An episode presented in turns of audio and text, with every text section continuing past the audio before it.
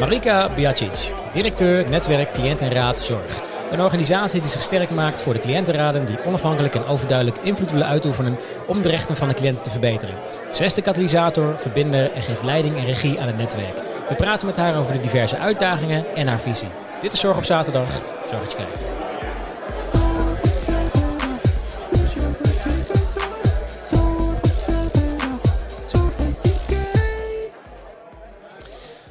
Marika, goedemorgen Goedemorgen. in deze mooie zomerperiode. Ja, Helemaal goed. Zo, het is een eh, bijzondere tijd waar we nog steeds met z'n allen in zitten eigenlijk. Hè? ja zeker. Vorige week eh, werden we toch allemaal weer een beetje opgeschrikt door eh, het, het hoge aantal besmettingen wat eruit kwam. Ik moet, ik moet eerlijk zeggen dat toen... Ja, ik kwam terug van vakantie geloof ik. En eh, toen zag ik de, de persconferentie hè, van nou, we gaan weer versoepelen. En dat in één keer alles eraf ging. Ik moet zeggen dat ik toen heel even dacht van... hm, ik was zo gewend aan al die maatregelen dat ik ook dacht van... oh, dit gaat wel heel snel in één keer. Eh, mondkapjes hoefden niet meer. eh anderhalve meter eh, in sommige stukken hoefde niet meer. Ik denk van, hm, dat, dat ging wel heel vlot. En eh, nou, het ging dus achteraf gezien toch nog een beetje te vlot eigenlijk. eh. Ja, dat weet ik niet. Volgens mij hebben we er wel allemaal heel erg van genoten. En ik heb op dat moment niemand horen roepen van dit gaat te vlot. Nee, dat nee, nee, de nee, mensen achteraf. En toen klopt. dacht ik, ja, ja. dat is makkelijk roepen achteraf. Nou, laat ik één ding vooropstellen. Ik was ook heel blij dat, dat de, de maatregelen eraf gingen. Maar toch zo'n stemmetje in mijn achterhoofd die zei van... juist omdat we er al zo lang in zaten. Ik dacht van, hm, nou, vlot, maar mooi dat zo kan, weet je wel. Dus eh, Nou, Want- en als het goed was gegaan, hè, als we niet waren gaan dansen met Jansen, dan waren we een voorbeeldfunctie geweest voor de rest van de wereld. ja, exact. Ja, helaas ja. is dat even anders gelopen. Ja, precies. Ja, ja, ja. Ik, ik ben inmiddels eh, ook al geel gevaccineerd. Tenminste, nog, een- nog een paar dagen en dan, eh, dan is het ook eh, helemaal ingewerkt, zeg maar. Ik heb vorige week de tweede shot gehad. Ik ben er wel een beetje, beetje ziek van geweest. ja, pijn in de arm een klein beetje, maar echt een dag later echt wat de koorts. Waarvan je zegt van ja, dan kun je op een gegeven moment de hele dag helemaal niks, zeg maar. En, eh, en de vermoeidheid een beetje. Van ik achteraf zag van, oh, dat is een bijwerking. Maar eh, heb jij nog last van gehad van, van bijwerking of iets dergelijks? Of dat verder niet? eh? Ja, ik heb het Janssen-vaccin gehad en ik ben de volgende dag ziek geworden. Maar ik was daar ook wel voor gewaarschuwd, want ik Ah, had al corona gehad. Dus dat immuunsysteem was al aangewakkerd. Ja. En ik moet zeggen, nou één dag, en toen was het ook weer over. Ah, kijk, dat scheelt. Dat Dus- scheelt. Dus het, eh, je bent er soepeltjes er doorheen gegaan eigenlijk. eh. Nou ja, afgezien van het feit dat eh, mijn partner en ik tegelijkertijd met kerst en oud en nieuw in bed hebben gelegen met Och. corona. dus dat was een bijzondere, een bijzondere kerst, maar Ja. daar zijn we wel goed doorheen gekomen. Kerst vanuit bed. Ja, heel eh, gezellig. Ja. ja, had je een, eh, een, een, een, een taaie variant eh, van corona Nou, of viel het nog wat te overzien? Nee, dat viel heel erg te overzien. Ik was meer onder de indruk van hoe de omgeving daarop reageerde. Hoe heftig ik de hele dag bezig was om alles te ontsmetten. En ehm, ja, kwamen er ook nog wel mensen bij ons over de vloer. We hebben een bedrijf aan huis. En de paniek bij iedereen, zelfs de pakketbezorger. Dan riep ik, leg het maar voor de deur, want wij hebben corona. Nou, zo snel heb je een pakketbezorger nog niet weg zien rennen.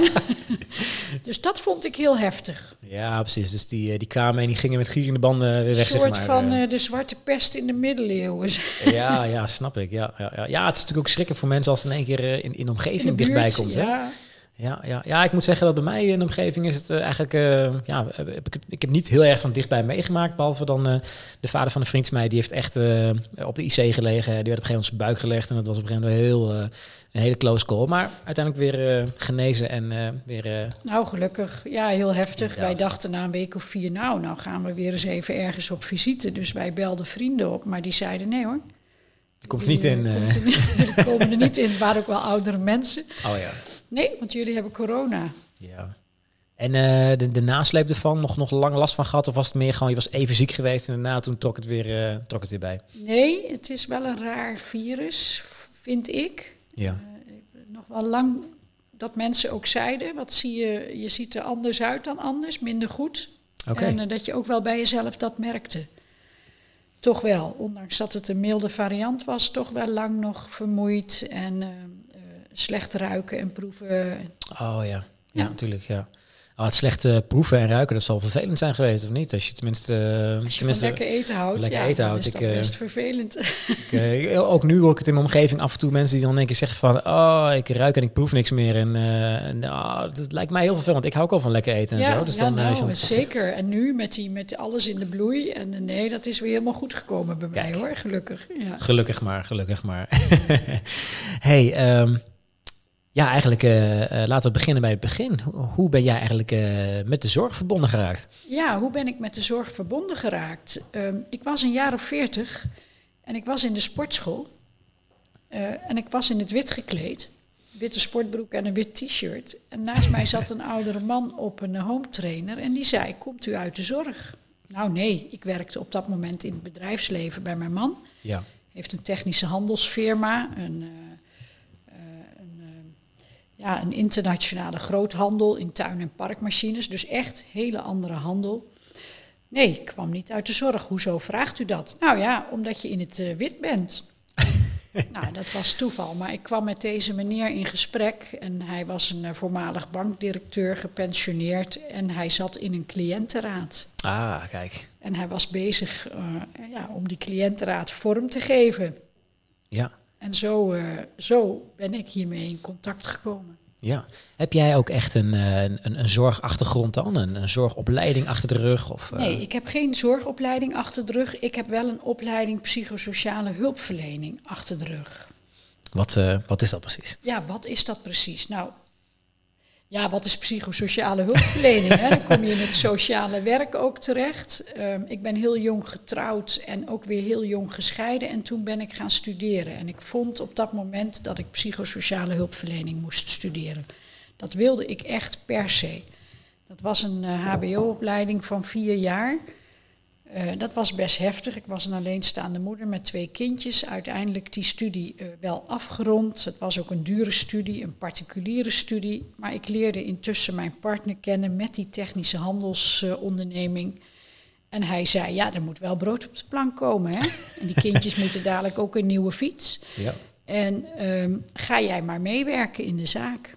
Ja, daar had hij wel een puntje. En ik dacht, dan kan ik mooi al die psychosociale eh, praktijken die ik geleerd heb, die kan ik daar vast ook wel in de praktijk brengen. Dus ehm, op een dag zei hij, nou ga jij maar eens even al die mensen afbellen die nog moeten betalen. En eh, dat waren heel veel eh, landbouw- en mechanisatiebedrijven en tuinders. En die hadden allemaal hele goede excuses waarvoor zij niet eh, hadden betaald. Hè. De oogst was nog niet binnen of ze hadden een hele hoge belastingaangifte. En dan ja, was ik echt helemaal getraind om te luisteren en begripvol te zijn. En daarin ook nog alle tijd te nemen. En goh, wat vervelend voor u. En nou, mijn man werd steeds kwaaier natuurlijk. Totdat hij echt hardgrondig begon te vloeken. Ik zal het niet nadoen, maar ja, die, zij zijn niet zielig. Ik ben zielig. Ik moet Ja. geld hebben. Ja. Dus eh, ja, wat is psychosociale hulpverlening? Iets wat je in het bedrijfsleven eh, soms wel en soms niet kunt gebruiken. Waarschijnlijk als je een eh, soort van vertrouwenspersoon binnen een grote organisatie bent, dan, eh, dan komt het waarschijnlijk heel goed tot zijn recht. Hè? Maar als je debiteuren moet, moet nabellen, Nee, dan... niet. Dus ik ben toch in dat bedrijfsleven leven gerold. En daar ben ik tien jaar samen met mijn partner in actief geweest. Maar altijd had ik een hang naar het sociaal-maatschappelijke gebeuren. ja. Dus ik ben altijd vrijwilligerswerk blijven doen op dat vlak. Bijvoorbeeld eh, rouw- en verliesverwerking voor Humanitas of eh, de vrijwillige terminale thuiszorg. Eh, maar ik zat ook in het schoolbestuur van de kinderen. Dus ik bleef maar die hang houden naar het sociaal-maatschappelijke. En die machines verkopen, ja, dat was leuk. Maar het allerleukste was het contact met de klanten en horen waarom ze eh, kozen voor iets of niet. Of, totdat ik een jaar of veertig eh, was en die zaak goed draaide en die kinderen hun eigen fiets konden verdienen. En dat ik dacht, nou, nu wordt het toch wel weer eens tijd. En dat was dus zo'n beetje rond mijn veertigste, ja. toen ik op de sportschool die eh, bewuste meneer tegenkwam. Het werd je aangezien als zorgmedewerker. Ja, dus die, die zag dan iets in mij wat eh, wel in mijn toekomst lag. ja. Heeft eh, de, de tijd dat je in het bedrijf van je, van je partner gewerkt hebt, heeft het je ook wat, wat meer gehard dan? Want het is Ja. natuurlijk wel een, een hele andere sector, hè? Waar, ja, eh, het heeft mij eh, vooral ehm, ehm, resultaatgerichter gemaakt. En het heeft ook gemaakt dat ik dacht, ik wil weer terug. Ik wil sociaal-maatschappelijk bezig zijn, maar het moet resultaat opleveren. Ja. En het mag niet te lang duren. En het, de psychosociale hulpverlening is eigenlijk niet meer geschikt voor mij. Want dat duurt te lang. Continu mensen begeleiden eh, met klachten die heel lang duren, vaak ook zelfs chronisch zijn, eh, met ziektebeelden die heel moeilijk op te lossen zijn. Nee, dat zag ik mezelf echt niet meer doen. Nee. Na tien jaar eh, internationale beurzen en zo. Vol gas Ja. zakenleven in, zeg maar. Ja, waarin ik ook echt een beetje een, een- Nou, mijn man is eigenlijk de commerciële factor, de handelaar. Maar ik was vooral de organisator en ook eh, de klantenbinder. Dus ik ging op pad. Het was een mannenwereld. Dat vonden mannen toch ook wel leuk. Een vrouw die op bezoek kwam. En dan zeiden ze: Oh, maar die machine doet het niet. En leg nou eens uit hoe het werkt. Ik snapte zelf helemaal niets van. Ik ben ook niet technisch aangelegd. Dus dan zei ik: Nou, misschien moeten we even samen kijken. En eh, uiteindelijk kwam die man er natuurlijk zelf achter wat eraan haperde. Dat vonden ze geweldig, maar nou, met veel pijn en moeite kreeg ik dan een machine verkocht. Maar dan zei die, en hoeveel korting krijg ik dan? En dan zei ik, joh, dan moet je even bellen naar de zaak, want daar ga ik niet over. Dan moet je mijn man hebben. En die verkocht er dan nog vijf bij. Oh, Dus het was, dat verkopen was niet mijn specialiteit, maar wel de klantenbinding en Ja, dat netwerk bouwen. precies. Want als hij eh, nog even vijf machines erbij verkocht, dan heb jij wel heel goed het, het voorwerk gedaan. Ja, Eh, ik was heel blij dat ik de presentatie had gedaan van het product en de klant had gebonden. En hij hoefde alleen die koop maar af te maken. En dat vond ik heel moeilijk. Ja. Dat was, echt een, eh, was dat een soort van verborgen talent waar je zelf, waar je misschien zelf niet eens wist dat je die had waarschijnlijk, of niet? eh? Nee, ik wist op dat moment, nee, toen ik daaraan begon, ik was vrij jong en ik dacht dus dat ik geboren was om psychosociaal hulpverlener te worden en één op één mensen te begeleiden, maar dat ik zo'n enorm organisatietalent had, wat nu achteraf, ja, wat ik toch wel kan zeggen. ja. En ook zoveel veelzijdigheid. Ik heb ook nog jaren in het welzijnswerk gewerkt als eh, projectleider samenlevingsopbouw. En daar ook van alles gedaan. Dus eh, ja, het was wel een ontdekkingstocht. ja. En de ontdekkingstocht heeft je uiteindelijk gebracht bij, eh, bij NCZ in dit geval. eh. Ja, al vrij vroeg hoor, want NCZ bestaat al twintig jaar en ik ben daar zelf dus al ruim tien jaar aan verbonden. Oh, maar in het begin was het een vrijwilligersfunctie. ja. Dus de meneer hè, die ik in de sportschool ontmoette, Hans Kampfens heette hij. We werden eigenlijk nou, goed bevriend.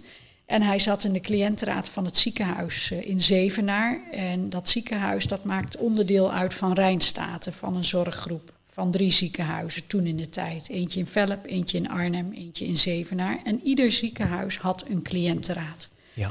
En de wet op de medezeggenschap, hè, de WMCZ, bestond op dat moment een jaar of vijf. Dus het was allemaal nog in de kinderschoenen. En iedere cliëntenraad moest zelf het wiel uitvinden. Eh, dat vond hij lastig. In eerste instantie vroeg hij mij: wil jij in die cliëntenraad komen? Als Oh, cliëntenraadslid. In de cliëntenraad. Ja, in de cliëntenraad van het ziekenhuis in Zevenaar. Nou, goed, dat wil ik wel. Hè. Ik was op zoek naar een nieuwe uitdaging op dat moment, dus eh, prima. Maar na twee vergaderingen met die cliëntenraad zei ik, nou Hans, dit is niks voor mij. Wat zijn jullie in vredesnaam aan het doen? Waar gaat dit over en waar leidt dit toe? Het- het- Vooral dat Het laatste. resultaatgericht en jou kwam direct naar boven borrelen nou, natuurlijk. eh, een beetje zinloos vergaderen, daar heb ik echt geen tijd en geen zin eh, in. Ja, dat moest hij ook wel erkennen. Het is ook heel moeilijk om als cliëntenraad echt invloed uit te kunnen oefenen. En hij moest dus ook nog het wiel uitvinden. Dus hij wist ook niet zo goed, hij was dan voorzitter, hoe hij die leden moest begeleiden. En hij vertelde mij dat hij bezig was om een netwerk op te zetten. En hij had zo'n 25 à 30 cliëntenraden van verschillende ziekenhuizen in Nederland bereid gevonden om in dat netwerk zitting te nemen. Met als doel kennis delen en ervaringen uitwisselen. Ja. Hij had inmiddels ook wat subsidie daarvoor weten te krijgen bij eh, CZ Zorgverzekeraar. En hij vroeg mij: Is het dan niet wat voor jou om in dat netwerk te komen? Om daar wat te doen? Nou, daar had hij vrij snel spijt van. Want ja, dat, eh, toen ik daar eenmaal kennis mee maakte, dat was een enorme uitdaging. En ik ging meteen aan de slag om die cliëntenraden bij elkaar te brengen in themadagen en in nieuwsbrieven. En, eh, al vrij snel heb ik dat stokje dus van Hans Kampfens overgenomen. Ah, kijk. En eh, dat, kwam, dat kwam hem ook wel goed uit hoor. Hij was Ja. op leeftijd. En, maar ik dacht toen wel, dat netwerk moet veel groter en breder zijn dan alleen die cliëntenraden van die ziekenhuizen. Want Ja. daar is het nog niet zo slecht mee gesteld. Nee. Als ik dan keek naar cliëntenraden in verpleeghuizen bijvoorbeeld, of in de gehandicapte sector of in de geestelijke gezondheidszorg, daar was veel meer aan de hand. Ja. Dus ik heb toen wel vrij snel besloten om eh, netwerk cliëntenraden ziekenhuizen, heette het aanvankelijk netwerk cliëntenraden zorg, te maken. Nog steeds als een vrijwillige functie. Ja. Daarnaast werkte ik inmiddels als eh, projectleider samenlevingsopbouw in de gemeente Duiven.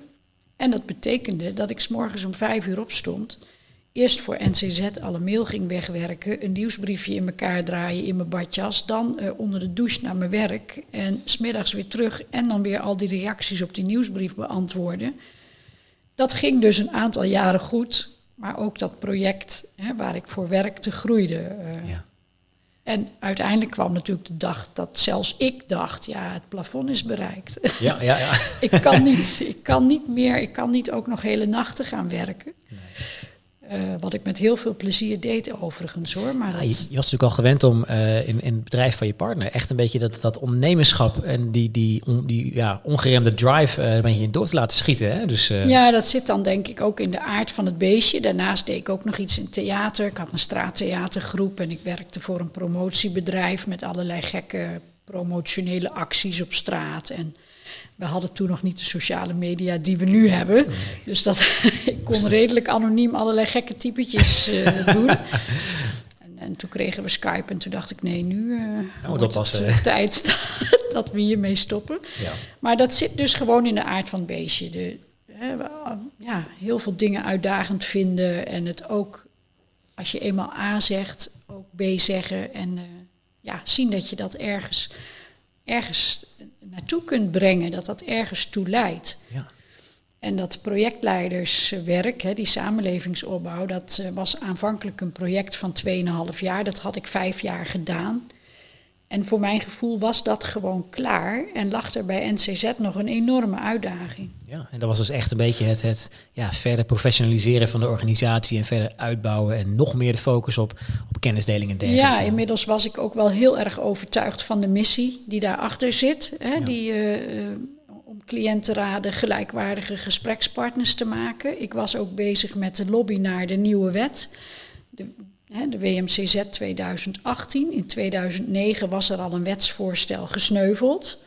Eh, Dus er was al een nieuw wetsvoorstel toen ik begon. En eh, nou, dat heeft dus jaren geduurd van eh, ja, lobbyen bij, in de Tweede Kamer, bij de politiek, op het ministerie, bij allerlei andere partijen. En op het moment dat ik mijn baan opzegde en voor NCZ aan de slag ging, was er altijd wel iemand in dat netwerk die zei: Ik doe dat wel Ja. die politiek. Want ik weet hoe de hazen lopen en ik vind het leuk. En ik zelf vond het verschrikkelijk. Ik heb helemaal niks met politiek. En ik dacht altijd, nou, dat is één grote bende daar. Gooi ze op één hoop en, en, en pak er één uit, dan heb je altijd een boef te pakken, zeg maar. Dus ik had er niks mee. Maar ik snapte ook het hele politieke eh, spel niet. Nee. Eh, maar toen ik dus voor NCZ begon, toen dacht ik, ja, er moet echt iets gebeuren. Als er binnen nu en een paar jaar niet echt een nieuwe wet tot stand komt, dan stop ik hiermee. Dus al die tijd dat je al in het vakgebied bezig was, was nog steeds die eerste eh, WMC-wet, was, was nog steeds de allereerste, zeg maar. Er was nog niet een, een, een nieuwe of een geüpdate variant gekomen. Nee, nog steeds de eerste wet en het was een flutwet. Ja. Dat kun je gewoon rustig stellen, een compensatiewetje. Waarbij uit was gegaan van het feit dat partijen, hè, we regelen de basis en partijen moeten er dan onderling in goed overleg uitkomen. Nou, dat gebeurt op sommige plekken wel, maar op de meeste niet. Nee. Ja, en wat je net ook zegt, hè, want eh, in, in de meeste ziekenhuizen, ja, dat, dan, dat is natuurlijk bekend terrein voor iedereen. Hè, en en daar, daar is natuurlijk al heel veel aandacht van geweest, maar wat meer een beetje op de achtergrond ligt als de, ja, de, de verpleeghuizen of de, de wat kleinere zorginstellingen, eh, die ook wellicht wat kleiner zijn, ehm, ja, dan wordt het misschien, eh, dan is daar nog veel meer aandacht voor nodig. Hè? Want, want wat, wat trof je daar precies aan als je daar. Nou ja, de medezeggenschap is daar in de eerste plaats sowieso belangrijker, vind ik. Ja. Daar waar mensen 24 uur per dag zorg ontvangen, helemaal afhankelijk zijn van die locatie waar ze verblijven, dat is toch echt wat anders dan in een ziekenhuis waar de gemiddelde lichtduur een paar dagen is.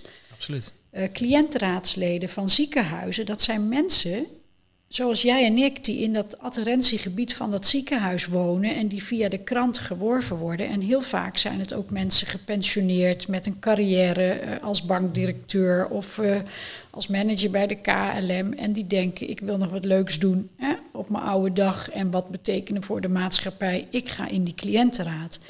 Dat is heel wat anders als wanneer je in een verpleeghuis eh, woont uh, of mantelzorger bent hè, van je vader of je moeder of je kind in een uh, gehandicapte uh, organisatie bijvoorbeeld en je gaat daar in de cliëntenraad. Dat betekent gewoon dat je heel dicht bij die zorg staat en dat je of jij of jouw partner of kind of, of hè, familielid afhankelijk is van die zorg. Ja. Dus daar vind ik de inspraak in de eerste plaats, hè, gewoon inspraak op cliëntenniveau, de cliënt zelf, die moet kunnen bepalen of die uh, een behandeling wel of niet wil en, en nou, enzovoort. En daarnaast de medezeggenschap, dus het algemene belang, vind ik daar eigenlijk van een, uh, ja, van een belangrijkere orde, zeg maar. Ik mag het misschien niet zeggen, maar toch doe ik het en is het zo dan in het ziekenhuis. Ja, ja inderdaad. Ja. Levert dat vaak uh, dan ook bepaalde, ja, je zou bijna denken dat dat, dat wel ja, felle uh, discussies, felle strubbelingen oplevert binnen het verpleeghuis. Omdat daar vaak uh, de mensen in de cliëntenraad zitten die veel dichter bij de, de cliënten zitten dan bijvoorbeeld in een ziekenhuis. Want zoals je net al aangaf, dat zijn vaak dan de, de oud-bankdirecteuren of de, de oud-managers van KLM die nog eventjes wat, hè, wat, wat uh, maatschappelijke waarde willen toevoegen, zeg maar. Ja, maar die zijn wel geneigd om, om de discussie aan te gaan. En ja. die zijn vaak ook wel, nou ja, goed gebekt, ja. zeg maar. Uh, want dat is wel wat mij heel erg opviel. Dat gaat wel heel gezapig in die verpleeghuizen. En cliëntenraden zeggen wel heel gemakkelijk: nee, maar bij ons gaat het heel goed. We hebben een hele prettige verhouding met de bestuurder. En we krijgen alles voor elkaar waar we om vragen.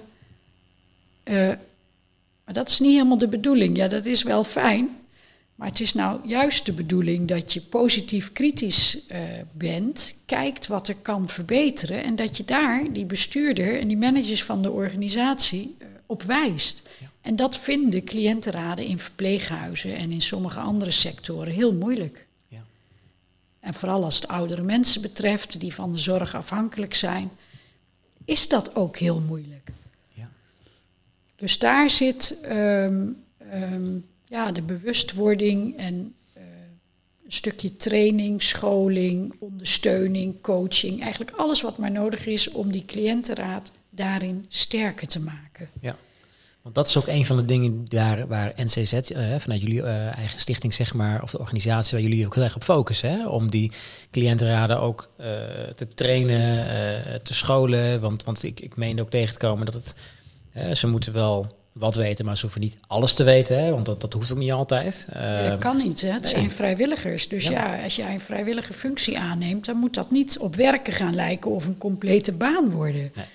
Uh, maar zij moeten het wel, nou opnemen is niet het goede woord, maar zij zijn de directe gesprekspartner van de bestuurder van een organisatie en ze krijgen ontzettend veel onderwerpen uh, op hun bordje. Ja. Dat gaat echt van de financiering, uh, de kwaliteit. Ehm, Uh, nou, het medisch handelen, daar hebben ze dan eigenlijk niet mee te maken. Dat kunnen ze ook niet, dat is echt aan de inspectie. Maar verder eigenlijk met alle onderwerpen. En dan met name ook de bejegening van de cliënt, aandacht, voeding, recreatie, geestelijke verzorging, uh, huisvesting, financiën. Dus, on, dus het is een ontzettend breed scala waar die cliëntenraad mee te maken krijgt. Ja. En inmiddels in die langdurige zorg hebben zij ook nog instemmingsrecht op een aantal hele essentiële zaken. Dus dat betekent, als een bestuurder een besluit wil nemen, bijvoorbeeld over die voeding, en de cliëntraad stemt niet in met dat besluit, dan gaat het besluit niet door. Dus dat ja. is best wel vergaande invloed die je Zeker. kunt hebben. Ja. ja. Moet je daar wel gebruik van maken? Ja, het zal waarschijnlijk ook wel uh, bepaalde ja, spanning met zich meebrengen als je inderdaad niet van alles op de hoogte bent, hè, maar net genoeg. En je gaat dan een, uh, een, een, bestuurder uh, ter discussie stellen, of, of hè, positief kritisch op een bestuurder zijn. Want misschien denken mensen inderdaad al hè, van, nou, de, oh, de bestuurder, hè, vanuit status en ja, die zal het allemaal wel beter weten dan mij. En uh, ja, wie ben ik nou om uh, vanuit de cliëntenraad in, tot het juist wel de functie is die ze, die ze in principe hebben. Dus, uh. Ja, dus ze zijn erg bescheiden van nature. Dus daar zijn wij dan toe op aarde. Hè? Ja. Om ze daar een beetje in te, te, prikkelen en te porren. Niet te bescheiden zijn. Ehm, en we zien ook wel een verschuiving er zijn natuurlijk hele grote zorgorganisaties in Nederland, met name in die uh, oudere zorg. En daar zie je een verschuiving van de lokale cliëntenraden naar regionaal, centraal. En um, dan wordt de formele medezeggenschap op een, op een ander niveau neergelegd, zeg maar. En daar zitten mensen die dat leuk vinden op dat niveau, die wat beleidsmatiger meekijken en denken.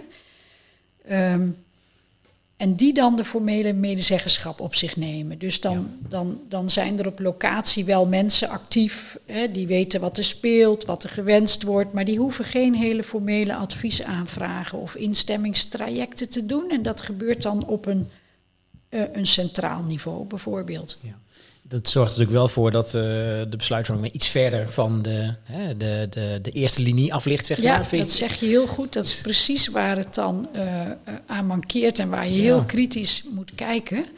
Zo'n centrale cliëntenraad wordt dan idealiter opgebouwd uit voorzitters van de lokale raden. Ja.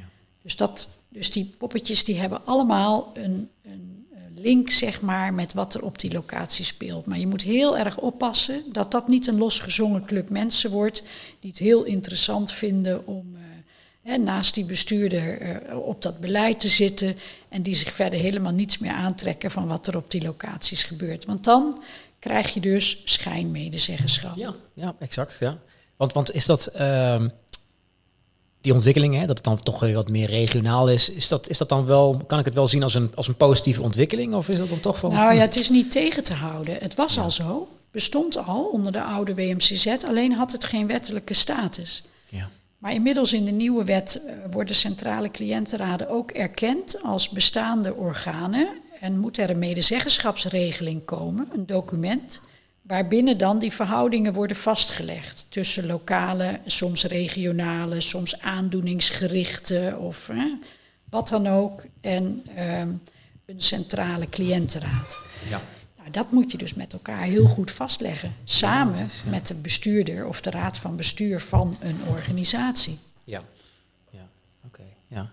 Hey, um, los van de, de verpleeghuizen en de, de grote ziekenhuizen, welke sectoren zitten jullie nog meer? Ja, eigenlijk in de gehele zorgsector. Dus dat begint uh, bij de eerste lijns, huisartsenmaatschappen, gezondheidscentra, uh, grotere fysiotherapiepraktijken, inmiddels ook mondzorg.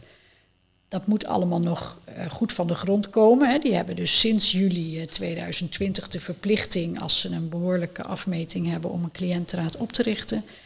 Uh, verpleging, verzorging, thuiszorg, ziekenhuizen, expertiseklinieken, die zijn er inmiddels ook veel in Nederland, medisch specialistische bedrijven, uh, geestelijke gezondheidszorg, ook de ambulante GGZ, uh, jeugdzorg, maar dat doen we wat minder. Er is een andere organisatie die dat, uh, die dat heel actief oppakt, dus dat doen we wat minder. Gehandicapte sector, revalidatie, eigenlijk gewoon, gewoon de, de hele zorgsector. Zorg. ja. ja. En op wat voor manier maak je dan, uh, want het is best wel een heel groot speelveld hè, waarin je zit, daar waarschijnlijk heel veel organisaties op, op aangesloten zijn binnen het netwerk, uh, veel cliëntenraden die, uh, ja, er zullen nog steeds meer, steeds meer bijkomen hè, of nieuw bijkomen. Ik zag dat jullie op jullie website een heel mooi stapplan ook hebben staan van, um, is je organisatie volgens mij meer dan 25 mensen, dan moet je een cliëntenraad oprichten. Hoe gaat het in zijn werk? Maar in, in zo'n groot speelveld, hoe, hoe, hoe, maak je daar dan alsnog impact in? Ja, je bedoelt als NCZ zijn. Ja, ja, ja dat is NCZ, natuurlijk iets wat groeit, hè, wat met de jaren is gegroeid. Een stukje erkenning eh, heb je nodig en de, en de, goede, uh, de goede contacten, verbindingen bij het ministerie, bij de inspectie, bij de zorgverzekeraars. Dus dat is een onderdeel van het werk. Eigenlijk doen wij drie dingen: verbinden, bevorderen en behartigen. En in dat verbinden zit heel erg die netwerkfunctie omdat ik aanvankelijk dit vrijwillig deed en geen personeel had en nog steeds geen personeel heb, dat zit heel erg in onze visie. Ja. Geen stenen, uh, geen personeel. Dus we zijn echt een netwerkorganisatie en het draait om de mensen. Uh, had ik dat netwerk ook heel erg nodig. Ja. Dus uh, cliëntenraden die zich bij ons aansloten of die lid werden, daarvan ja, verwachten wij ook dat er iets terugkomt. Dus soms ja, moet, je, moet je een bepaald onderwerp, hè, belangen behartigen, dan zijn er altijd cliëntenraden in het netwerk die je kunt benaderen met een vraag. Hoe, kunnen jullie dit of kunnen jullie dat beantwoorden? Verder waren er ook heel veel adviseurs in dat netwerk. Dus dat is maar gegroeid en gegroeid. Uh, ja, er zijn heel veel cliëntenraden. Ze zijn niet allemaal lid. Dat is een beetje achterhaald, hè? lidmaatschappen. Wie wil er nou nog ergens lid worden? Dus ik heb me daar nooit zo op gericht, op dat lidmaatschap, maar altijd gedacht, we zijn een netwerkorganisatie en inmiddels zijn er gewoon duizenden cliëntenraadsleden die in dat netwerk actief zijn, maar ook politiek en overheid en, en, en allerlei andere stakeholders. Dus je zit echt in één grote spinnenweb van, uh, van, van connecties eigenlijk om elkaar uh, te ondersteunen en te helpen, hè? om het uh, draaiende te houden. Ja, ja dat klopt. Ja. Ja, het, het, is, het, is, een heel mooi werkveld, maar het is wel een, een heel belangrijk onderdeel van de, van de sector. Hè? Want, want zonder de, de cliëntenraden ja, wordt de cliënt niet echt vertegenwoordigd. Hè? Dus, uh... Nee, en het is natuurlijk zo in de wereld, wie betaalt bepaalt. Ja. Maar dat gaat in de zorg niet op. Nee, want kijk, de, de, alle zorginstellingen uh, die roepen natuurlijk altijd dat de cliënt centraal staat. Hè? En, en tot op zekere hoogte geloof ik dat ook echt wel. Maar in sommige onderdelen zie je soms ook wel eens dat dat ook niet altijd helemaal het geval is. En dat dan toch is van, ja, hm, ja, ja, we moeten het er maar mee doen. Ja, ik ga ervan uit hè, dat dat inderdaad uh, de intentie is van de meeste zorgorganisaties. Hè, dat de cliënt centraal moet staan. Maar zo'n organisatie heeft natuurlijk een heleboel andere onderdelen waar die ook voor moet zorgen. Hè? het personeelsbeleid, ja. de huisvesting, de financiën. En dat is nou het mooie aan zo'n cliëntenraad. Die zijn er alleen maar ze zijn onafhankelijk, ze zijn niet in dienst, ze doen het puur vanuit, uh, ja, eigenlijk liefdadigheid, uh, niet vanuit eigen belang, voor het algemene belang. En ze zijn het enige gremium in die gehele zorg die puur onafhankelijk zich alleen maar met dat cliëntenperspectief bezighouden. En die continu weer tegen zo'n bestuurder moeten zeggen: ja, dat is mooi die begroting, maar wij zien toch echt dat er, dat er te veel geld naar huisvesting gaat om maar een onderdeel te noemen. Hè? Of dat is mooi dat je die voeding wilt onderbrengen bij een groot bedrijf die dat allemaal uh, klaar aanlevert. Maar voor de patiënt uh, biedt dat geen verbetering, want die vindt het niet lekker. Nee, het zijn echt uh, ja, belangrijke vraagstukken hè, die, die toch altijd discussie gesteld worden. Hè, wat, ook, wat ook echt nodig is. Nou ja, het, het heeft mij altijd heel erg verbaasd hoe dat werkt in die zorg en dat patiënten zo weinig invloed hebben op hun zorg, terwijl zij wel de zorg betalen. Zonder die patiënten hebben we geen zorg. Nee, dat, dat, precies dat inderdaad, ja. En eigenlijk jij en ik ook, hè? wij met z'n allen betalen die zorg, maar we hebben er geen klap over te vertellen. Nee, klopt. klopt. ja, ja, eigenlijk is het heel gek. Ja. Het is eigenlijk heel gek. Want wat je zegt, hè, zonder de cliënten is er ook geen zorg. Dus, uh... En aan de andere kant, het feit dat wij cliëntenraden hebben, is heel uniek. Zijn echt de enige in de wereld met het fenomeen cliëntenraden die dan ook nog wettelijk verankerd zijn. In Nederland? In Nederland. Dus daar moeten we heel erg zuinig op zijn. En er zijn bij landen waar je uh, voorbeelden hebt, waarbij bijvoorbeeld het bestuur bestaat uit uh, familieleden of cliënten. Uh, of waar je in de Raad van Toezicht ook altijd een ervaringsdeskundige ziet zitten. Of in, het, in een Raad van Bestuur. Dus er is nog wel veel te doen op dat gebied, op inspraak, participatie en ook op het vlak van de medezeggenschap. Ja, want ik zat net te denken, uh, uh, een bestuurder moet een cliëntenraad natuurlijk serieus nemen, omdat het waarschijnlijk ook uh, wettelijk vastgelegd ligt. Want uh, voordat het wettelijk vastgelegd was, is het natuurlijk heel makkelijk om voor een bestuurder te zeggen van, ja, heb je die cliëntenraad weer? Nou, leuk dat jullie het zeggen. Ik uh, I'll take it under advisement. En vervolgens uh, wordt er nooit wat mee gedaan, wijs van. Dus het, het, waarschijnlijk moeten ze nu ook, omdat het inderdaad wettelijk vastgelegd is. Ja, het was natuurlijk ook al wettelijk vastgelegd. Alleen de invloed van de cliëntenraad was minder. Hè, de positie was minder. Ja. Um, maar of die medezeggenschap dan ook echt werkt... De, de, de bestuurder, de raad van bestuur is eindverantwoordelijk voor het functioneren van de medezeggenschap. Niet de cliëntenraad. Dus als de inspectie, en dat kan dus nu gaan gebeuren in die nieuwe wet, als de inspectie komt controleren en de medezeggenschap functioneert niet naar behoren, wordt de organisatie daarop afgerekend, niet de cliëntenraad. Dus dat maakt wel, denk ik, uh, dat je je als bestuurder goed moet uh, realiseren, ik moet daarvoor zorgen. Aan de andere kant, of het ook echt werkt, ja, dat is niet alleen maar afhankelijk van een wet of het feit dat het verplicht is. Dat hangt en staat met uh, nou, cultuur, structuur, communicatie. daar zijn heel veel aspecten die daarin meespelen. Ja, want dat is uh, een van de belangrijkste dingen die eigenlijk van invloed zijn. Want natuurlijk, er kan wel een, een, een wetsaanpassing komen. de nieuwste wet is volgens mij uh, juli vorig jaar ingegaan. Hè? Ja. 2019 volgens mij aangenomen, juli vorig jaar, 2020 ingegaan. Maar het, het is natuurlijk ook iets wat, wat in, de, in de zorgcultuur moet opgenomen worden voordat het ook echt gaat werken. Hè? Dus, ja, bewustwording, maar ook instelling. De ene bestuurder is de andere niet. Er zijn bestuurders die houden nu eenmaal wat meer van de informele route. En die denken, potverdorie, moet ik nou alles gaan vastleggen, formeel gaan aanvragen? Kunnen we dat niet gewoon met elkaar hè, afspreken? En er zijn ook bestuurders die juist het tegenovergestelde hebben, die alles via de formele weg willen. En er zijn bestuurders die daartussenin zitten. Je hebt kleine organisaties, je hebt grote organisaties. Dus er zijn enorme verschillen. Um, nou, sowieso al per zorgsector. Thuiszorg, verpleeghuiszorg, ziekenhuis, dat is allemaal anders. Maar ook per organisatie en zelfs per locatie. Want het is mensenwerk. Het hangt ook af van de poppetjes in het spel. Ja. Zijn er. Uh, want die, die laatste wet die dan is aangenomen, dat is dan waarschijnlijk een, een update van de allereerste. Uh, uh, WMC-wet, hè? WMCZ, Wet Medezeggenschap Cliëntenzorginstellingen. Heel goed. Zijn er echt uh, op hoofdlijnen, hè? Wat, wat zijn er eigenlijk de, de allergrootste, of laten zeggen de belangrijkste verschillen in met, met de eerste wet? Want de eerste wet waarschijnlijk heel beperkt.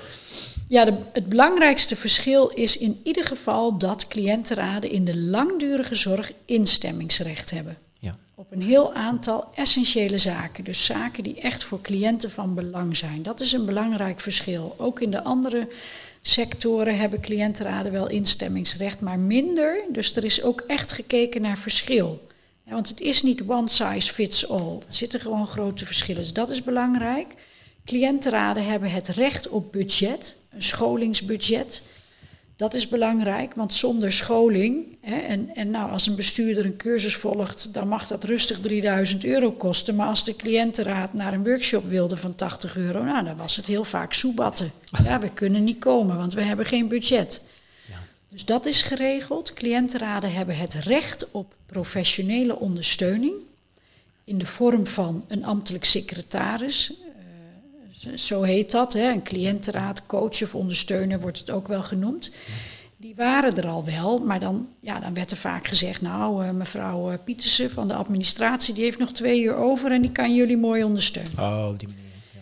Dus dat is veranderd. De cliëntenraden hebben recht op ondersteuning, maar dat niet alleen. Zij hebben ook instemmingsrecht op wie dat mag. Wie dat mag gaan doen. En uh, wat een belangrijke wijziging is, dat is die medezeggenschapsregeling, waarin dus alle afspraken en de werkwijze moet worden vastgelegd. Waarbij cliëntenraden instemmingsrecht hebben op dat document. Dat kunnen ze ook niet overdragen. Dus het kan niet zo zijn dat de centrale cliëntenraad zegt: Nou, locaties, wij regelen het wel voor jullie. Alle cliëntenraden in, de gehele, uh, in zo'n gehele zorginstelling moeten instemmen met die medezeggenschapsregeling. Dus die kan ook niet eenzijdig door een bestuurder worden aangepast. Dus dat zijn grote verbeteringen. En in die zin heeft, is het wel goed dat het zo lang heeft geduurd. Dus we hebben dat echt allemaal uitgekoud en uitgekoud en uitgekoud. Het zijn wel ook hele, hele grote veranderingen. Waarvan je eigenlijk direct al denkt van... Het is wel heel bijzonder dat dat in de vorige wet er allemaal niet in zat. Want het zijn wel ook hele essentiële dingen eigenlijk. Hè, om het, uh, ja, in de vorige wet hadden cliëntenraden verzwaard adviesrecht, heette dat. En dat betekende dat als zij negatief adviseerden dan kon een bestuurder toch nog zijn besluit doorzetten. Dan kon de cliëntenraad naar een eh, landelijke commissie, de commissie van vertrouwenslieden, om te kijken, hè, kunnen we misschien een uitspraak krijgen die, die die bestuurder toch nog kan bewegen om uh, dat stop te zetten. Dat is nu eigenlijk andersom. Als de cliëntenraad niet instemt, dan moet de bestuurder naar zo'n commissie als die toch zijn besluit door wil voeren.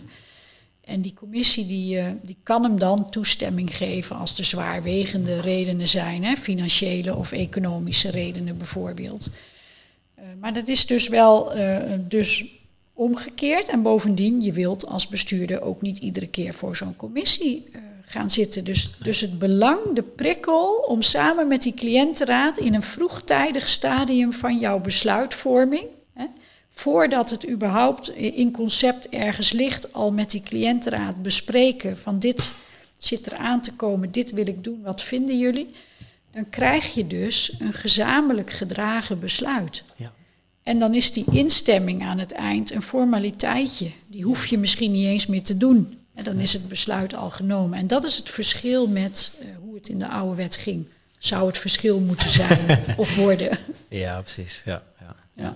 Ja. het zijn grote verschillen, maar wel heel belangrijk in elk geval, waardoor uh, ja, je eigenlijk veel meer draagvlak krijgt hè, binnen de, de samenwerking tussen de, de, de cliëntenraden en uh, de Gelijkwaardigheid, ja daar, daar, daar draait het natuurlijk om. En die gelijkwaardigheid, daar begon je mee, hè, die zit hem niet in het kennisniveau van de cliëntenraad, maar die zit hem erin dat zij het zelfvertrouwen hebben dat ze weten wat hun functie is, hun, hun, taak en hun positie. Dat weten ze ook nog niet altijd even goed. Ja.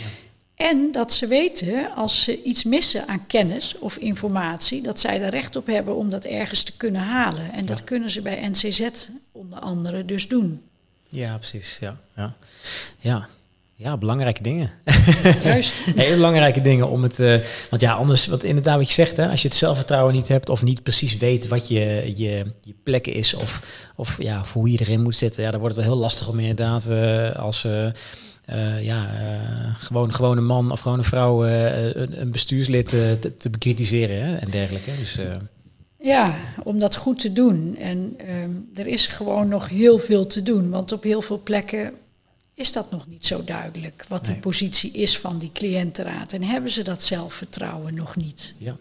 ja. Dus er is heel veel te doen. Ja. Jullie hebben vanuit eh, NCZ een bepaalde formule. Ja. De, de BAS-formule, zeg maar. Is dat nog iets wat, uh, wat, wat Hans, de vorige oprichter, bedacht heeft? Of, ja, zeker. Dat was Hans die dat bedacht. De BAS-formule, bejegening, aandacht en sfeer, was het aanvankelijk. dat zijn eigenlijk de top prioriteiten van een cliëntenraad. Zouden het moeten zijn. Cliëntenraden zijn ook heel erg geneigd om zich te laten, uh, ja, om zich te laten voeren door de organisatie. Dus wat er op hun agenda staat, dat is bepaald door de bestuurder. En daarmee worden ze ook nog wel eens overvoerd, zonder dat ze het zelf in de gaten hebben. Dus in januari is al duidelijk waar wij het het hele jaar over moeten hebben, want dat is ieder jaar hetzelfde. Het gaat over de begroting, over de huisvesting en noem maar op. Terwijl we juist zo graag willen dat die cliëntenraad zich bezighoudt met die basformule. Bejegening, aandacht en sfeer. En ten tijde van de marktwerking in de zorg, 2009, 2010, heb ik bedacht dat service ook een heel essentieel onderdeel is daarin. En heeft die basformule een S'je erbij gekregen. Dat was wel even uh, ja, knokken met Hans Kampfens. dat S'je erbij te krijgen. Maar ik vond dat toch belangrijk. Bejegening, aandacht, service en sfeer. Daar draait het met name om. En daar moet je ook eigenlijk alles op meten. Waarbij je kunt zeggen, als een van die onderdelen in orde is, dan is het prima. Maar als ze allemaal in orde zijn, dan is de uitkomst van die som meer dan de uh, afzonderlijke delen, zeg maar. Dan, dat maak je ook niet zo vaak mee dat je in een zorginstelling komt waar je meteen denkt, hé, hey, dit is helemaal goed. Ja, want in principe, uh, je, je focust natuurlijk op de cliëntenraden, maar eigenlijk, uh, de basformule geldt eigenlijk voor de hele zorgsector. Ja, en wat dacht je van de horeca? Als ze daar ook eens gewoon naar de bejegening, aandacht, service en sfeer ja. continu zouden kijken en in de supermarkt. Ja, ja want hoe vaak zit je niet in een restaurant op het terrasje dat je denkt, nou als ze iets meer hun best hadden gedaan, had ik misschien wel twee keer zoveel uitgegeven eh, op de rekening, zeg maar. Ja, dus, nou ja, ik heb uh, de afgelopen jaren wel eens gedacht, als ik klaar zou zijn met NCZ, dan zou ik me toch heel graag bezig willen houden met het onderwerp gastvrijheid, service en sfeer. Uh, want met name bij jonge mensen, nou begin ik echt als een oude oma te klinken, maar ik heb ook jonge dochters en ook kleinkinderen. Maar ik vind dat met name jonge mensen, en ik weet dat dat niet bewust is, maar dat dat gewoon ontstaan is door uh, ja, cultuur en, en veranderingen. Dat het daaraan schort. Dus je ziet momenteel jonge mensen in de horeca die gewoon helemaal niet weten hoe het heurt, zeg maar. Hè? Nee. Nou, daar zou nog wel een schone taak kunnen liggen. Zou het te maken hebben met uh, de eindeloze social media dingen? Dat je eigenlijk op een hele andere manier gewend bent om te communiceren met elkaar en eigenlijk niet echt meer het ja, het, het, de hospitality, hè? Die, die, ja. Want als, soms als je ergens gaat zitten, dat je denkt van, oh, wat fantastisch om die persoon alleen aan het werk te zien. En, en hoe die je bejegent, wat de aandacht die die voor je heeft, de service en de sfeer die het creëert. Ja, een stukje, ja, ook een stukje, ja, servicegerichtheid, behulpvaardigheid. Dat, uh, ja. Ik was gisteren in het park bij ons de hond uitlaten en daar is een theehuisje en daar kun je een kopje koffie krijgen of een ijsje. Ik sta daar te wachten en de meneer voor mij heeft een kopje koffie besteld en hij blijkt zijn pasjes niet bij zich te hebben.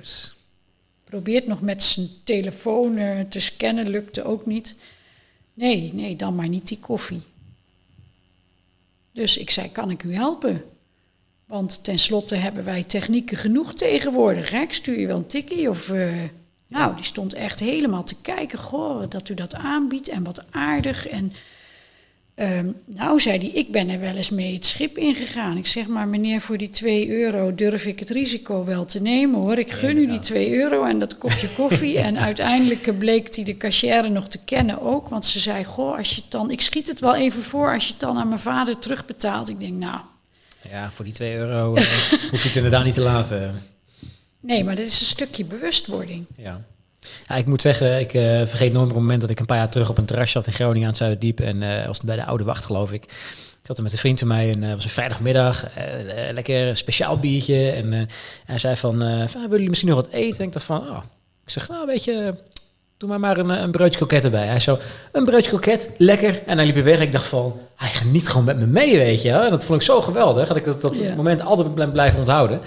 Maar iedere keer als ik daar kom, denk van, ah, dit is zo'n geweldige tent dit, weet je. Het is echt, ja. uh, alleen door dat kleine stukje service hè, en, en dat beetje die, die sfeer creëren, en dat is echt... Uh, ja, ja, en daar worden mensen natuurlijk ook voor opgeleid, hè, als ze een horecaopleiding volgen. Maar helaas, uh, ja, of helaas, dat is nou eenmaal niet overal zo. Hè. Er zijn ook veel jonge studenten die werken in de horeca als bijbaantje en die hebben die opleiding niet gehad. En daar is nog nee. best wel wat te doen. Ja, en, en, vaak wordt het ook gewoon gezien als maar een bijbaantje. En dan, maar datzelfde geldt natuurlijk ook voor de zorg en voor zorgmedewerkers. Er zijn heel veel jonge zorgmedewerkers in de thuiszorg, in de verpleeghuiszorg. Uh, en je zou er maar van, af, van afhankelijk zijn.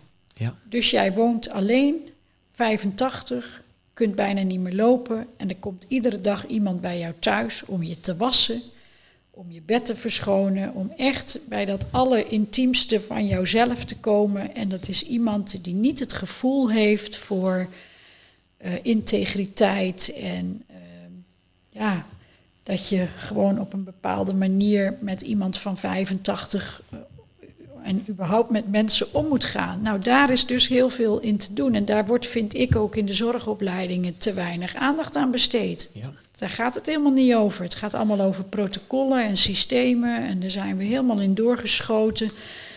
En daar wordt iedereen helemaal in opgeleid. En dit moet je doen en daar moet je je aan houden. Maar je mag van mij best een keer een misser maken als je maar je fatsoen bewaart. We hebben een tijdje terug uh, iemand gesproken, die heet Lieke Dubois. En Lieke die is van uh, de keerzijde, als het goed is. Ja, de keerzijde was het inderdaad. En die, die zet zich dus in, die heeft een training ontwikkeld waarin ze eigenlijk mensen meeneemt. mensen uit de zorg, hè, dus verpleegkundigen en verzorgen en dergelijke, om ze even een dag of een weekend of nog langer dan dat, even als de zorgvragen te laten opstellen. En ze zegt ook van, nou, iedereen die, die valt gewoon van zijn stoel van wat, van wat overkomt me nu, weet je. Omdat je onder andere je eigen regie bij je weggehaald wordt. Uh, ook de, de bejegening, hoe je aangesproken wordt. Al die dingen die komen aan bod. En uh, nou, voor de meeste mensen is het een keerzijde. Hè? Sowieso van, oh, oh, ik wist niet dat het, dat het zo was, weet je. Dus dat is echt... Uh... Dat kun je je ook niet voorstellen en kun je mensen eigenlijk ook niet kwalijk nemen. Nee. Ja, ik, ik word nu langzamerhand steeds wat ouder, dus dan ga je dat ook merken, maar ook in je omgeving. Hè, van wat zijn dan beperkingen en hoe uh, ja, heeft dat impact op een mensenleven. Maar hele jonge mensen, nou, die, die, die weten dat niet en dat kun je nee. ze ook niet kwalijk nemen. Maar het lijkt me wel een hele goede manier om ze dat te laten ervaren. Daarvoor hebben we geloof ik ook de ervaringskliniek of zo heet het. Ja, hè? ja, want de enige manier om het te ervaren is om het letterlijk te ervaren. Kun je En, een eh, heel weekend eh, in een eh, verpleeghuis gaan als cliënt. En dan maken ze je half blind en half doof. En dan kun je Ja. niet meer lopen. Ja, ja, inderdaad. En dan, ja, dan weet je even hoe het is, hè? Om, om even overgeleverd te zijn aan de zorg. Want kijk, voor ons is het dan heel makkelijk om te zeggen van ja, nou, het lijkt me heel moeilijk. Maar ja, het lijkt me heel moeilijk is, niet, is het, niet hetzelfde als ik weet dat het heel moeilijk is. Dus eh, Ja, en even is ook niet hetzelfde als altijd. Hè? Met uitzicht op de dood. ja. Afscheid nemen van al je functies eh, met het idee dat het ook nooit meer terugkomt, nooit meer beter wordt en dat het eindigt in de dood. Dat Ja. is heel wat anders dan even een weekendje. Ja, Ja, inderdaad. Je, naast de, de, de, de, de, de basformule, hè, wat eigenlijk geldt voor de hele zorgsector, en eigenlijk geldt voor alle sectoren wat dat betreft. Ehm, hoe, hoe- kijk je überhaupt eigenlijk tegen de, tegen de zorgsector aan op dit moment, zoals die er nu voor staat, zeg maar, in de afgelopen jaren, de ontwikkelingen? ja, er is nogal wat gebeurd natuurlijk de afgelopen anderhalf jaar. En ehm, toen de coronacrisis uitbrak, toen dacht ik, nou, dit zou nou wel eens het moment kunnen zijn waarop dat systeem eindelijk op de schop gaat. Maar helaas heb ik dat niet zien gebeuren. Nee, ik heb nog meer protocollen en nog meer systemen zien ontstaan hè, daarin. Veiligheidschecks en balances. En, terwijl in mijn beleving, wij krijgen al jaren te horen de zorg is te duur. De zorg is te duur en vooral wij als, als afnemers, als cliënten krijgen dat op ons bord. Hè. We moeten minder zorg afnemen, we moeten meer zorgpremie betalen. We krijgen steeds minder keuzes, want die zorg die wordt onbetaalbaar. Nou, ik vond het onbegrijpelijk dat wij een enorme schatkist blijken te bezitten, waaruit we de hele economie eh, anderhalf jaar draaiende kunnen houden, maar dat we al jaren dus moesten bezuinigen in die zorg. Eh, en in mijn beleving is er genoeg geld, gaat er ook genoeg geld naar die zorg, maar slokt het systeem enorm veel van dat geld op, zou het systeem gewoon helemaal op de schop moeten, pak die hele grote zak geld en begin opnieuw met de basis. En dan zul je zien dat je geld overhoudt. Schrap met name al die, eh, al die protocollen en die audits. En eh, nou ja, dat is makkelijk gezegd, hè? zo simpel is het niet. Maar dat is wel een beetje hoe ik er tegenaan kijk. Helaas is dat niet gebeurd. Het is allemaal nog meer. Er moet nog meer geld kosten. Het moet nog veiliger, nog meer systemen. En wat vind ik van systemen? Het is niet zo dat ik vind dat er geen systemen moeten zijn, maar ik vind dat systemen er moeten zijn om mensen te dienen. Systemen hebben wij nodig om mensen te dienen en in onze zorg is het momenteel andersom geworden. Wij mensen moeten dat systeem dienen. Als medewerker in de zorg, als patiënt in de zorg, als bestuurder in de zorg. Het gaat allemaal om het dienen van het systeem. En dat deugt er niet aan. Nee. Het, het, het bijzondere is wel, helemaal aan het begin van de, de coronacrisis en, en vorig jaar, een beetje halverwege het jaar, je zag al dat er op sommige niveaus wel geprobeerd werd om bepaalde dingen te veranderen en, en, en bepaalde samenwerksverbanden op te richten met ziekenhuizen onderling en dergelijke.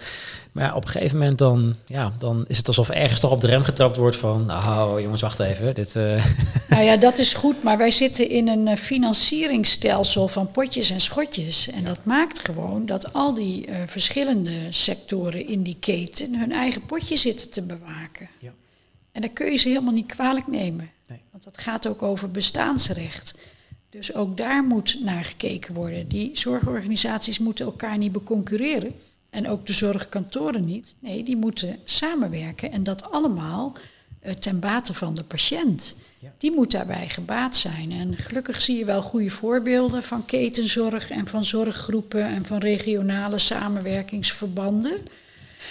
Ehm, maar dat zou wel wat, wat formeler mogen worden, zeg maar. Wat meer gestimuleerd ook mogen.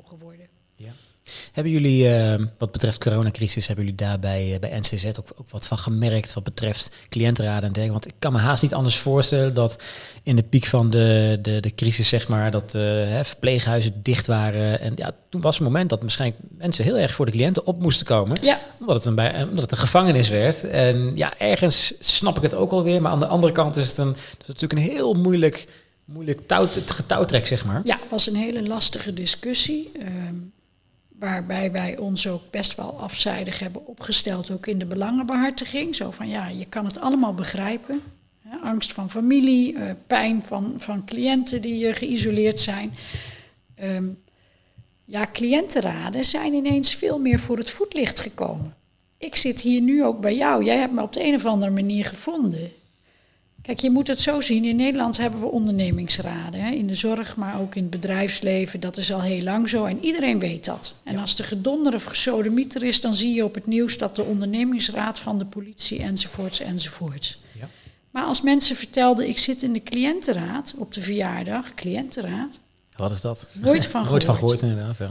En dat is heel gek, want die cliëntenraden bestaan dus al 25 jaar. En op de een of andere manier lukt het niet om die cliëntenraden voor het voetlicht te krijgen. Maar in de coronaperiode lukte dat wel. Dat kwam enerzijds omdat cliëntenraden optraden. omdat die verpleeghuizen op slot gingen, nu konden zij eindelijk echt dat cliëntenbelang uh, behartigen. Anderzijds waren er ook veel bestuurders uh, die het prettig vonden om hun besluit om het verpleeghuis bijvoorbeeld te sluiten ook met de cliëntenraad te bespreken. Want die werden natuurlijk heel erg bekritiseerd door de buitenwereld. En die konden dan zeggen, ja, maar ik heb het met de cliëntenraad uh, besproken en die uh, waren het ermee eens. Ja. ja. Dus in die zin, en ik dacht ook, cliënten, het cliëntenbelang en de cliëntenraden zullen niet minder belangrijk worden door corona. Nee, die zullen juist belangrijker worden. Dus je ziet echt die kentering en die beweging naar het cliëntenperspectief ontstaan. En dat is ook mooi. Nou, die nieuwe wet, ehm, die werd in de staatscourant gepubliceerd op uh, nou, 14 maart of zo. Terwijl op 16 maart die hele lockdown inging en die coronacrisis begon. Dus ik dacht toen nog, jeetje, wat een wonder zegt dat dat nog even is gelukt. Ja, vlak voor uh, dat uh, alles dichtging inderdaad. Anders uh, had Willem-Alexander en Bruno Bruins hadden wel iets anders aan hun hoofd gehad. Hè. Dus het is een wonder dat die wet er toch doorheen is gekomen. maar dat heeft wel gezorgd, die hele coronacrisis, dat al die zorgbestuurders andere prioriteiten aan hun hoofd hadden. Die hadden geen tijd om zich met die medezeggenschap en die wet bezig te houden. Dus dat is iets wat bij ons uh, naar voren is geschoven en waarvan ik denk dadelijk als de rust is weergekeerd en uh, de herstelzorg is opgestart en ook de hervormingen gaan plaatsvinden, dan is het ons moment om uh, die cliëntenmedezeggenschap en überhaupt de medezeggenschap, hè, ook de medewerkers en, en de verpleegkundige adviesraad, om dat daar goed in te passen. Ja. Ja, want wat je zegt, iedereen had, uh, of de, de, bestuurders hadden wat anders aan hun hoofd. Hè? Het, het gewoon het overleven. Hoe, uh, hoe kunnen we vandaag, morgen en, en deze week overleven? En dan pas zien we volgende week alweer verder, zeg maar. Dus dat was echt in die tijd uh, de Ja, heel dus, heftig. Um, ja. ja. in ziekenhuizen heel heftig. Maar cliëntenraden. Ik, ik ken op dit moment cliëntenraden die al anderhalf jaar niet fysiek vergaderen. Dus ja. niet in de locatie komen dat begint nu weer wat uh, beter te worden. En dat is wel raar, want cliëntenraden zijn gewoon een fysiek onderdeel van de zorg. En die zorgmedewerker komt ook binnen. Dus, maar die werden gewoon echt gesommeerd of, of verzocht om niet op locatie te komen. En vonden dat soms zelf ook uh, niet prettig. Ik ken ook cliëntenraden die zijn opgericht vanwege die nieuwe wet. Die hebben elkaar nog nooit live ontmoet. Ja. Vergaderen alleen maar digitaal. Dus het is uh, op het moment een beetje een rare ja, rare situatie. En je merkt dat daardoor ook wel wat meer gedoe ontstaat, communicatieproblemen. Ja, snap ik. Ja. Tegelijkertijd zal het er ook voor gezorgd hebben dat de, uh, de vergaderingen die geweest zijn waarschijnlijk heel efficiënt verlopen zijn. Want, ja, uh, mag je hopen. Ja, er zit, er zit veel minder, uh, hey, we pakken even koffie, we gaan even bijpraten, hey, was je vakantie? Het is nu veel meer van, nee, to the point, dit, dit, dit, dit uurtje, klaar, weet je. Ja, er waren ook cliëntenraden, daar werd helemaal niet vergaderd. Oh. in, die echte, in die eerste coronacrisis, dan werd de voorzitter bijvoorbeeld wekelijks op de hoogte gehouden door de, be, door de bestuurder. En die moest dat dan weer aan de cliëntenraad meedelen. Ja, lastig. Hè? Zeker. Je hebt, een, uh, je, hebt de, de ondernemersachtergrond een beetje, hè? maar toch zit er een bepaalde mate van ja, uh, onbegrensde gedrevenheid in jou. waar, waar, waar, waar, waar, ook in de zorgsector, hè? Wat, wat, wat, wat motiveert jou daarin eigenlijk? Of wat drijft jou daarin? Ja, uh, ik heb zelf lang gedacht dat dat toeval was. Hè? Dat, dan zeiden mensen, hoe kom je nou in die zorg terecht? Ja, dat is toeval, hè? via de sportschool. Via de sportschool. Maar nee, dat, uh, uh, dat is geen toeval. En het, het is in de zorg, maar het had ook ergens anders kunnen zijn, hè, in het onderwijs of in de welzijnssector. Dat, op zich is dat wel toeval. Ehm, maar het feit dat ik mij druk maak om inspraak en medezeggenschap, dat is geen toeval. Dat zit natuurlijk in de aard van het beestje. Ik heb een, uh, een, uh, een Hongaarse vader die uit, uh, in 56 uit het communisme is gevlucht. Omdat daar helemaal niets meer mogelijk was. dat heb ik heel erg meegekregen. Van je moet wat te zeggen hebben. Ja. Over je eigen leven, maar je moet ook vrijheid hebben. Vrijheid van keuze en en daar moet je desnoods ook offers voor brengen en hele grote offers zelfs. Dus dat heb ik altijd gehad. Ik was heel jong, toen kwam ik al in een soort jeugdcentrum en daar werd muziek gedraaid. En toen dacht ik, muziek gedraaid, wie bepaalt dan hier welke muziek er wordt gedraaid? ik vind helemaal geen leuke muziek. Dus ik ging eigenlijk aan de slag om een soort top 100 uh, op uh, iedereen vragen. Van nou, ik heb hier 500 uh, liedjes, welke vind jij het beste?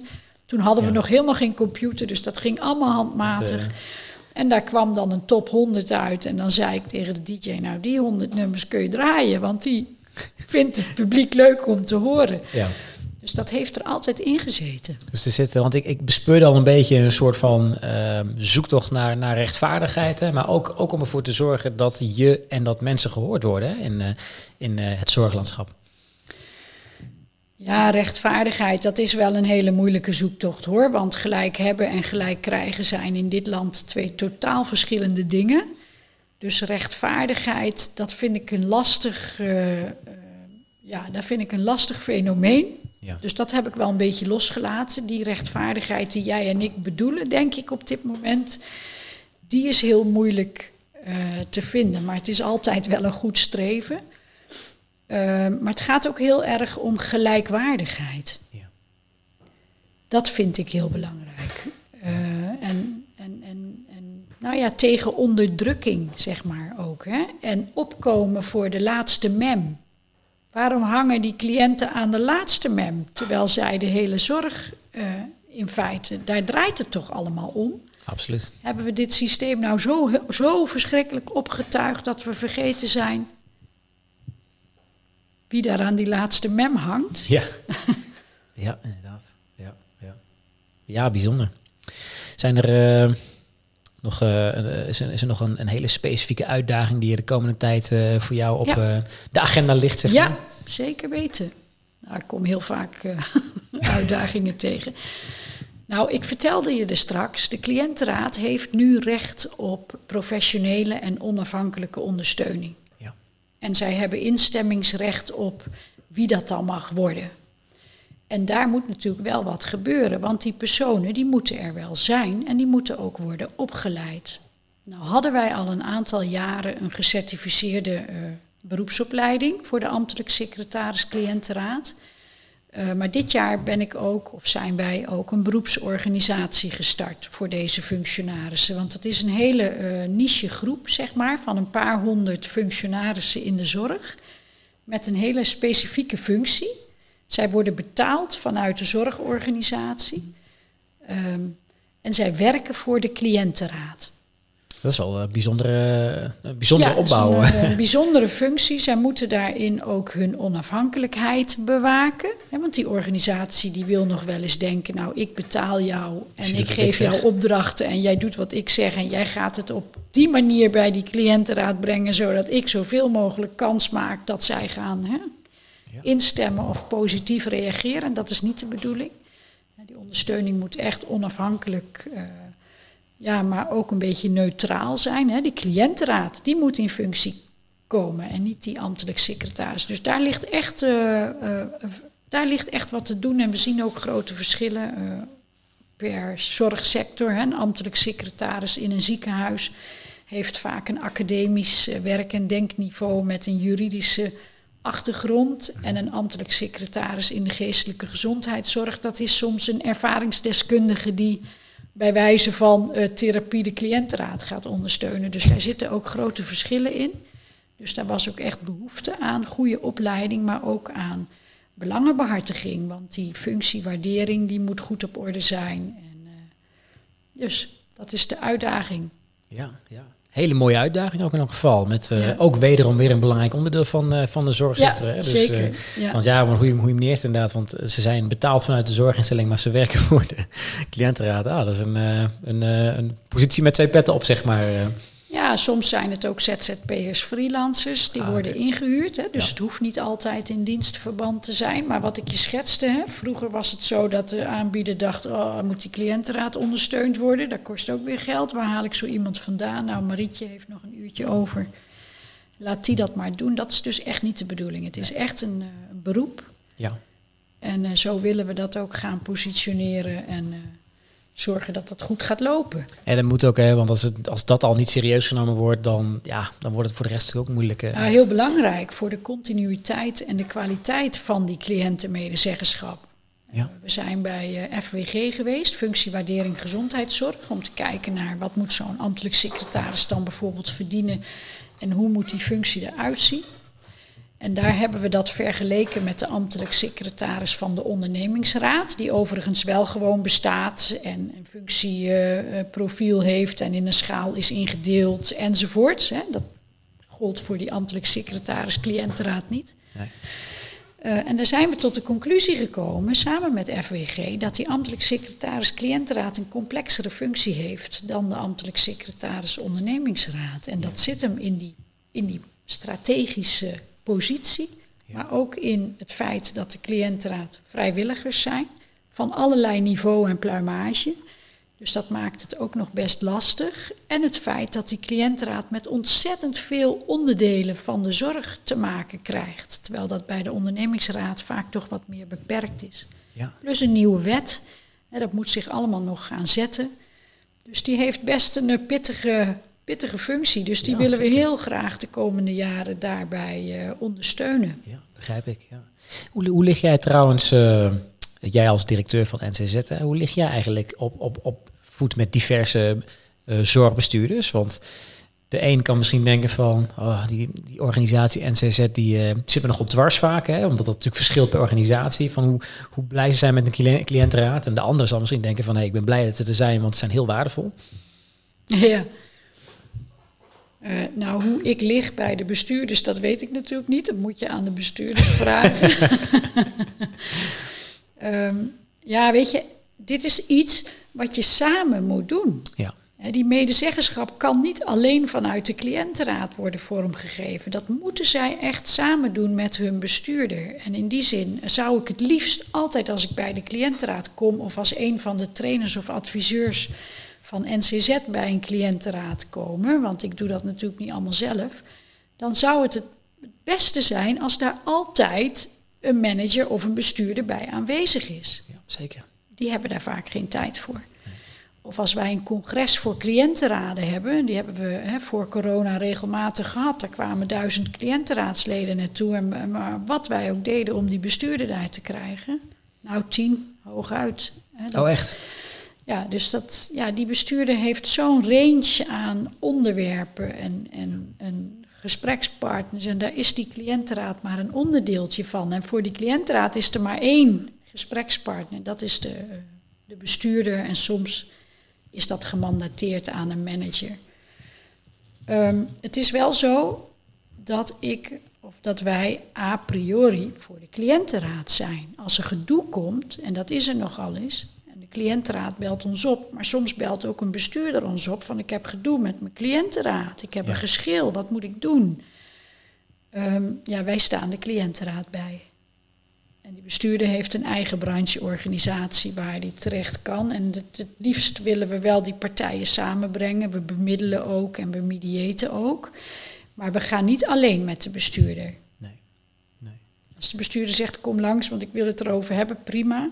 Maar dan is de cliëntenraad daar ook bij. Ja, want anders ga je natuurlijk, eh, dat, dat gaat scheve gezichten opleveren als jullie weer alleen met de bestuurder in gesprek gaan. Want dan, eh, Ja, vindt ook gewoon niet nodig. en, en dat inderdaad, ja. Ja, precies. Ja, ja. ja interessante materie, eh, de, de wereld van de cliëntenraden. Nou, hè?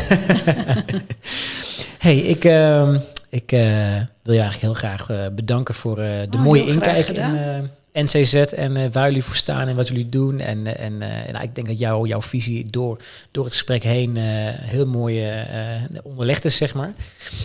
Dus, dus ja, ik wil je heel graag bedanken voor, voor je komst en voor het gesprek. En veel succes de komende nou, tijd met Heel graag gedaan. De uitdagingen. Dankjewel. Dankjewel. Helemaal goed. Volgende zaterdag. Een volgende Zorg op zaterdag. Zorg dat je kijkt. Oh, jij.